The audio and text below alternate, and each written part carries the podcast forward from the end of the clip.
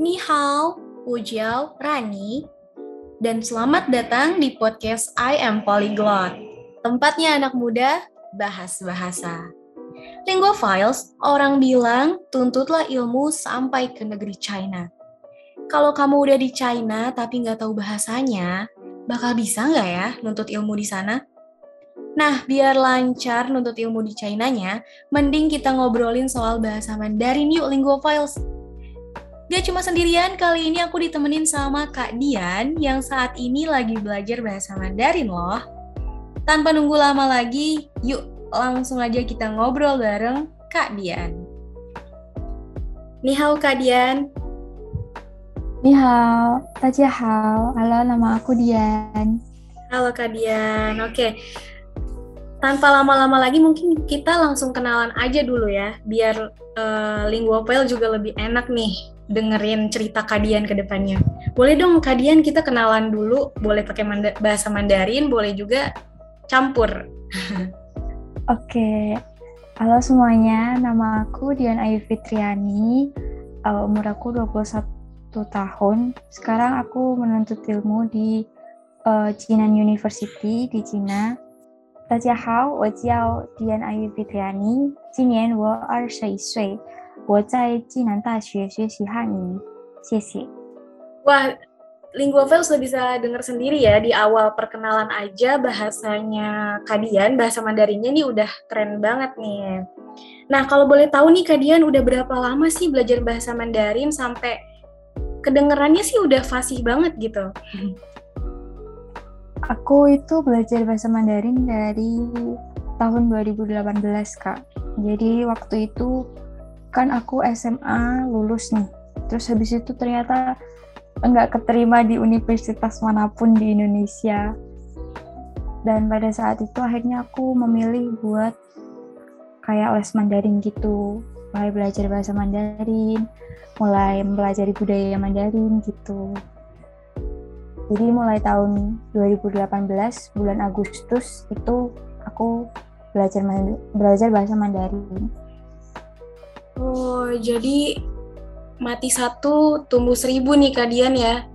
Jadi setelah iya. gagal satu kali, ternyata Kadian gak berhenti untuk mencoba sampai akhirnya dapat yang terbaik nih ya di Cina langsung. Ya, alhamdulillah banget itu Kak. Akhirnya tahun depannya itu aku dapat beasiswa ke Cina gitu. Jadi aku akhirnya menuntut ilmu di Cina, benar-benar di Cina. Wah, keren banget nih Kak Dian. Terus nih ya Kak Dian, kenapa sih kakak nih mutusin untuk belajar bahasa Mandarin? Dari setelah gagal ini nih, kenapa kepikirannya tuh bahasa Mandarin? Kenapa nggak kayak belajar bahasa Korea, Jepang gitu Kak? Kenapa?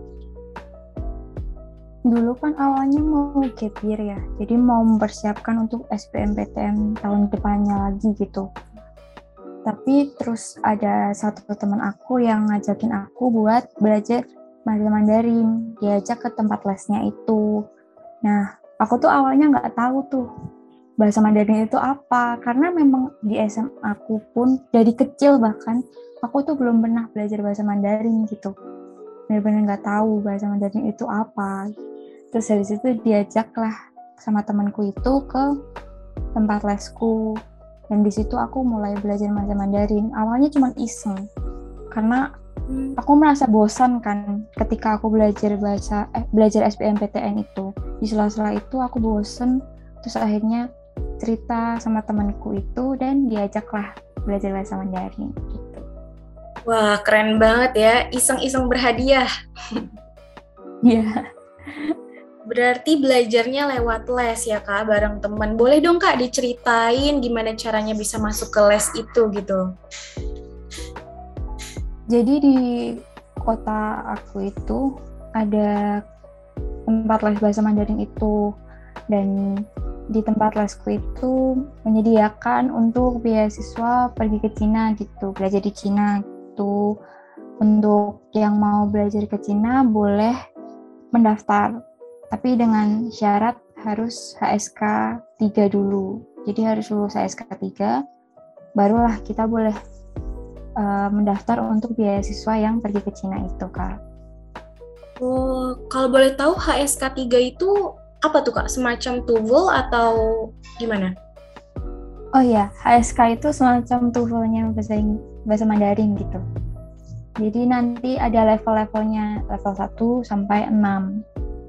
Nah, dah untuk universitasku itu eh, batas minimumnya harus HSK 3. Jadinya sebelum berangkat berangkat ke Cina itu aku harus tes HSK dulu, dapatlah hasilnya, baru apply ke universitasnya gitu kak. Wah keren banget ya kak, perjuangan banget gitu ya. Ya. Nah kak, kalau boleh tahu nih kak, eh, bahasa Mandarin ini kan punya sistem alfabetnya sendiri ya. Nah, gimana nih Kak Dian bisa menguasai penulisannya gitu? Apalagi didasari dengan iseng-iseng kan awalnya gitu. Pasti kebanyakan orang nih yang aku tahu kalau iseng-iseng pasti dia kayak setengah-setengah dulu nih di awalnya. Nah, gimana sih kalian di awal pertama kali belajar bisa menguasai sistem penulisan di alfabet yang berbeda dengan alfabet kita nih, Kak? Jadi, aku mau berterima kasih banget sama guru aku yang udah memberikan metode yang menurut aku itu sangat berguna untuk menghafalkan uh, karakter bahasa Mandarin. Yaitu dengan uh, misalkan hari ini kita belajar kosakata ini. Nanti kan pasti ada hanselnya tuh kak. Ada karakter Mandarinnya nah itu nanti diprintkan sama guru aku jadi ditulis beberapa kali gitu di kotak-kotak gitu terus habis itu kita siapkan satu kertas yang lebih tipis daripada kertas HVS ditaruh di atasnya habis itu kita tulis di atasnya kan jadi kita nulisnya minimal tujuh kali. Satu kosakata itu tujuh kali. Gitu. Jadi wow. Otak kita itu bakal inget terus kak kata-katanya itu. Wah keren ya kak. Uh, untuk cara belajarnya juga menurut aku unik gitu ya daripada pembelajaran-pembelajaran bahasa yang lain. Keren-keren kak. Tapi ini kak, pastikan setiap pembelajaran ada kesulitan gitu kan ya. Nah, apa sih kesulitan belajar bahasa Mandarin menurut kalian sendiri nih? Jadi menurut aku eh, kesulitan dalam belajar Mandarin itu pengucapannya. Karena pengucapannya dengan bahasa-bahasa yang sudah aku pelajari sebelumnya itu sangat berbeda. Apalagi kan di belajar Mandarin itu ada nada, dan ada satu, dua, tiga, empat gitu kan. Sementara di bahasa Indonesia itu kita nggak pernah kan yang pakai nada gitu. Jadi menurut aku kesulitannya dua itu plus belajar karakter Mandarinnya. Itu Kak. Wah, bisa banget nih buat memotivasi teman-teman yang lagi belajar bahasa Mandarin juga ya Kak.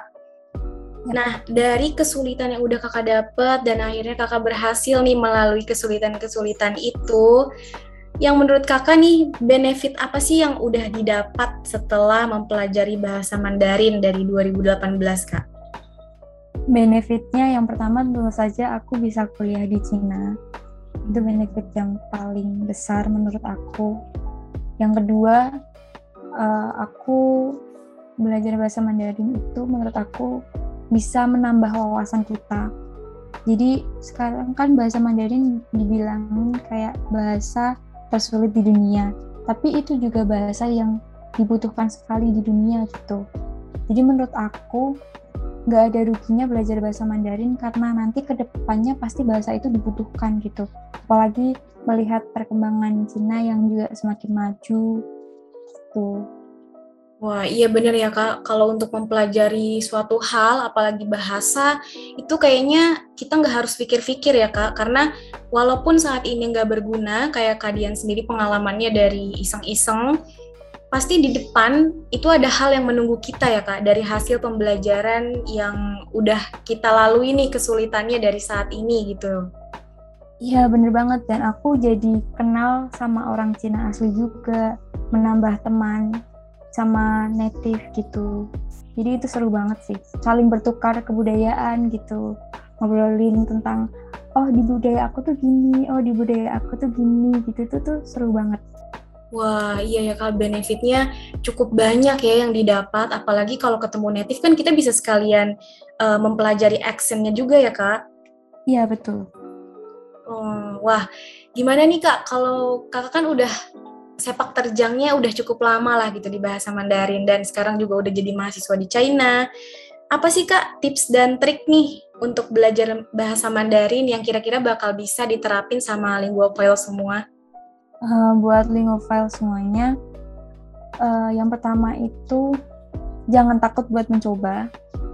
Karena yang paling susah itu sebenarnya memulai sesuatu untuk belajarinya gitu kalau kita udah takut duluan atau memikirkan ah ini kayaknya susah deh bahasa Mandarin bukannya bahasa yang paling sulit ya di dunia nah iya. mindset yang kayak gitu yang harus kita hilangkan gitu jadi yang pertama jangan takut mencoba terus um, kalau dari dosen-dosen aku yang ada di Cina itu sering mereka bilang kayak belajar bahasa Mandarin itu harus tuo ting, tuo shuo, tuosie, tuoliensi. Yeah. Artinya banyak mendengar, banyak berbicara, banyak menulis dan banyak belajar. Jadi ketika kita misalnya hari ini aku belajar kosakata ini gitu, belajar beberapa kosakata. Nah itu jangan cuma dicatat di buku doang gitu. Terus habis itu ditutup terus gak dibaca lagi gitu. Itu kan nanti kita bakal lupa gitu. Jadi ketika kita udah dapat satu materi atau dapat satu kosakata misalkan itu kita tulis habis itu ditulis lagi hanselnya minimal tujuh kali habis itu diucapkan dan dipelajari artinya lalu diterapkan di kehidupan sehari-hari. Gitu kak.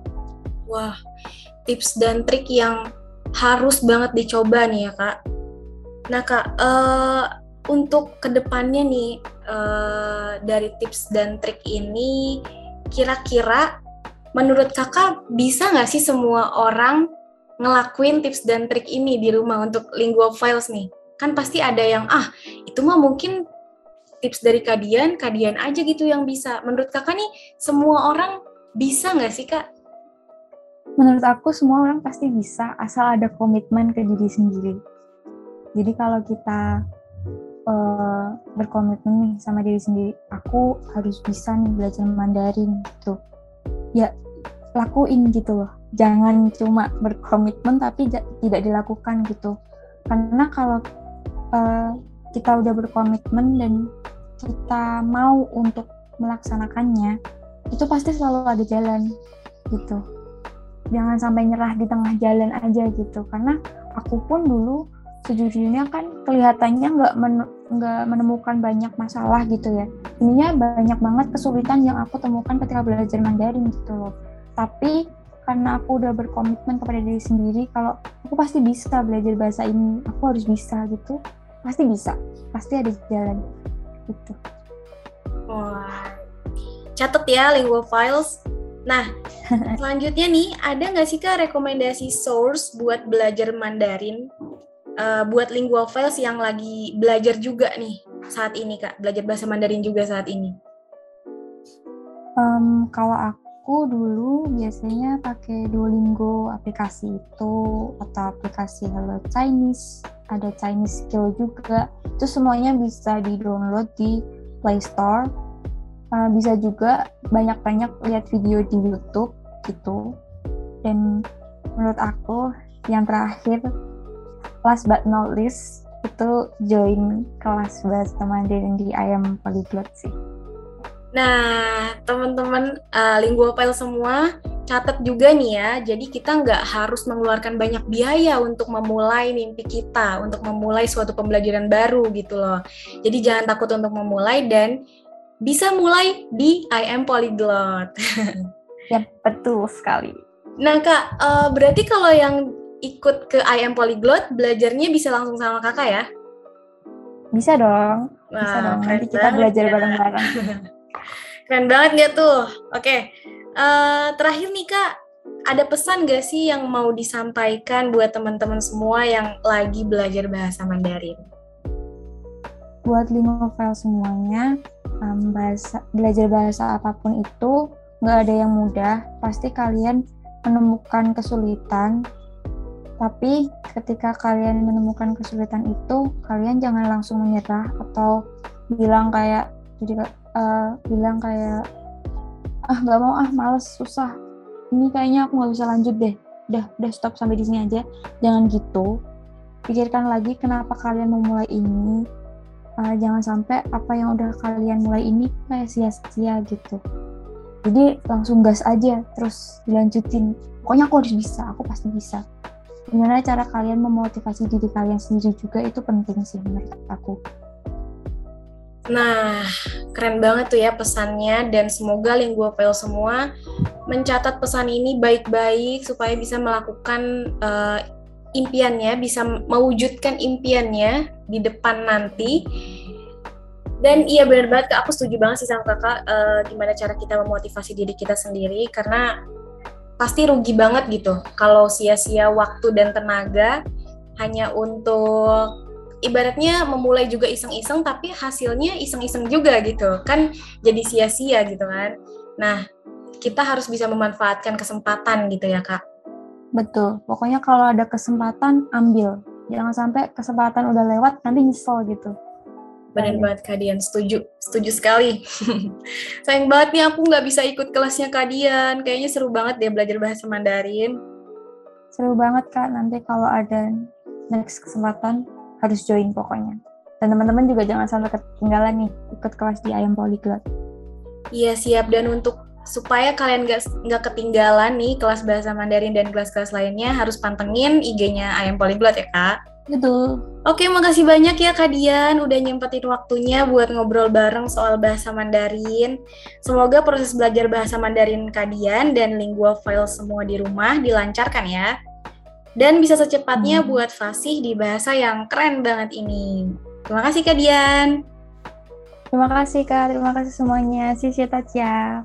Xie Gak kerasa udah waktunya buat kita pisah lagi nih Lingua Files. Tapi jangan khawatir karena kita bakalan ketemu lagi di episode podcast I Am Polyglot selanjutnya. Yang pastinya bakalan bahas topik yang seru-seru. Jadi jangan sampai kelewatan ya.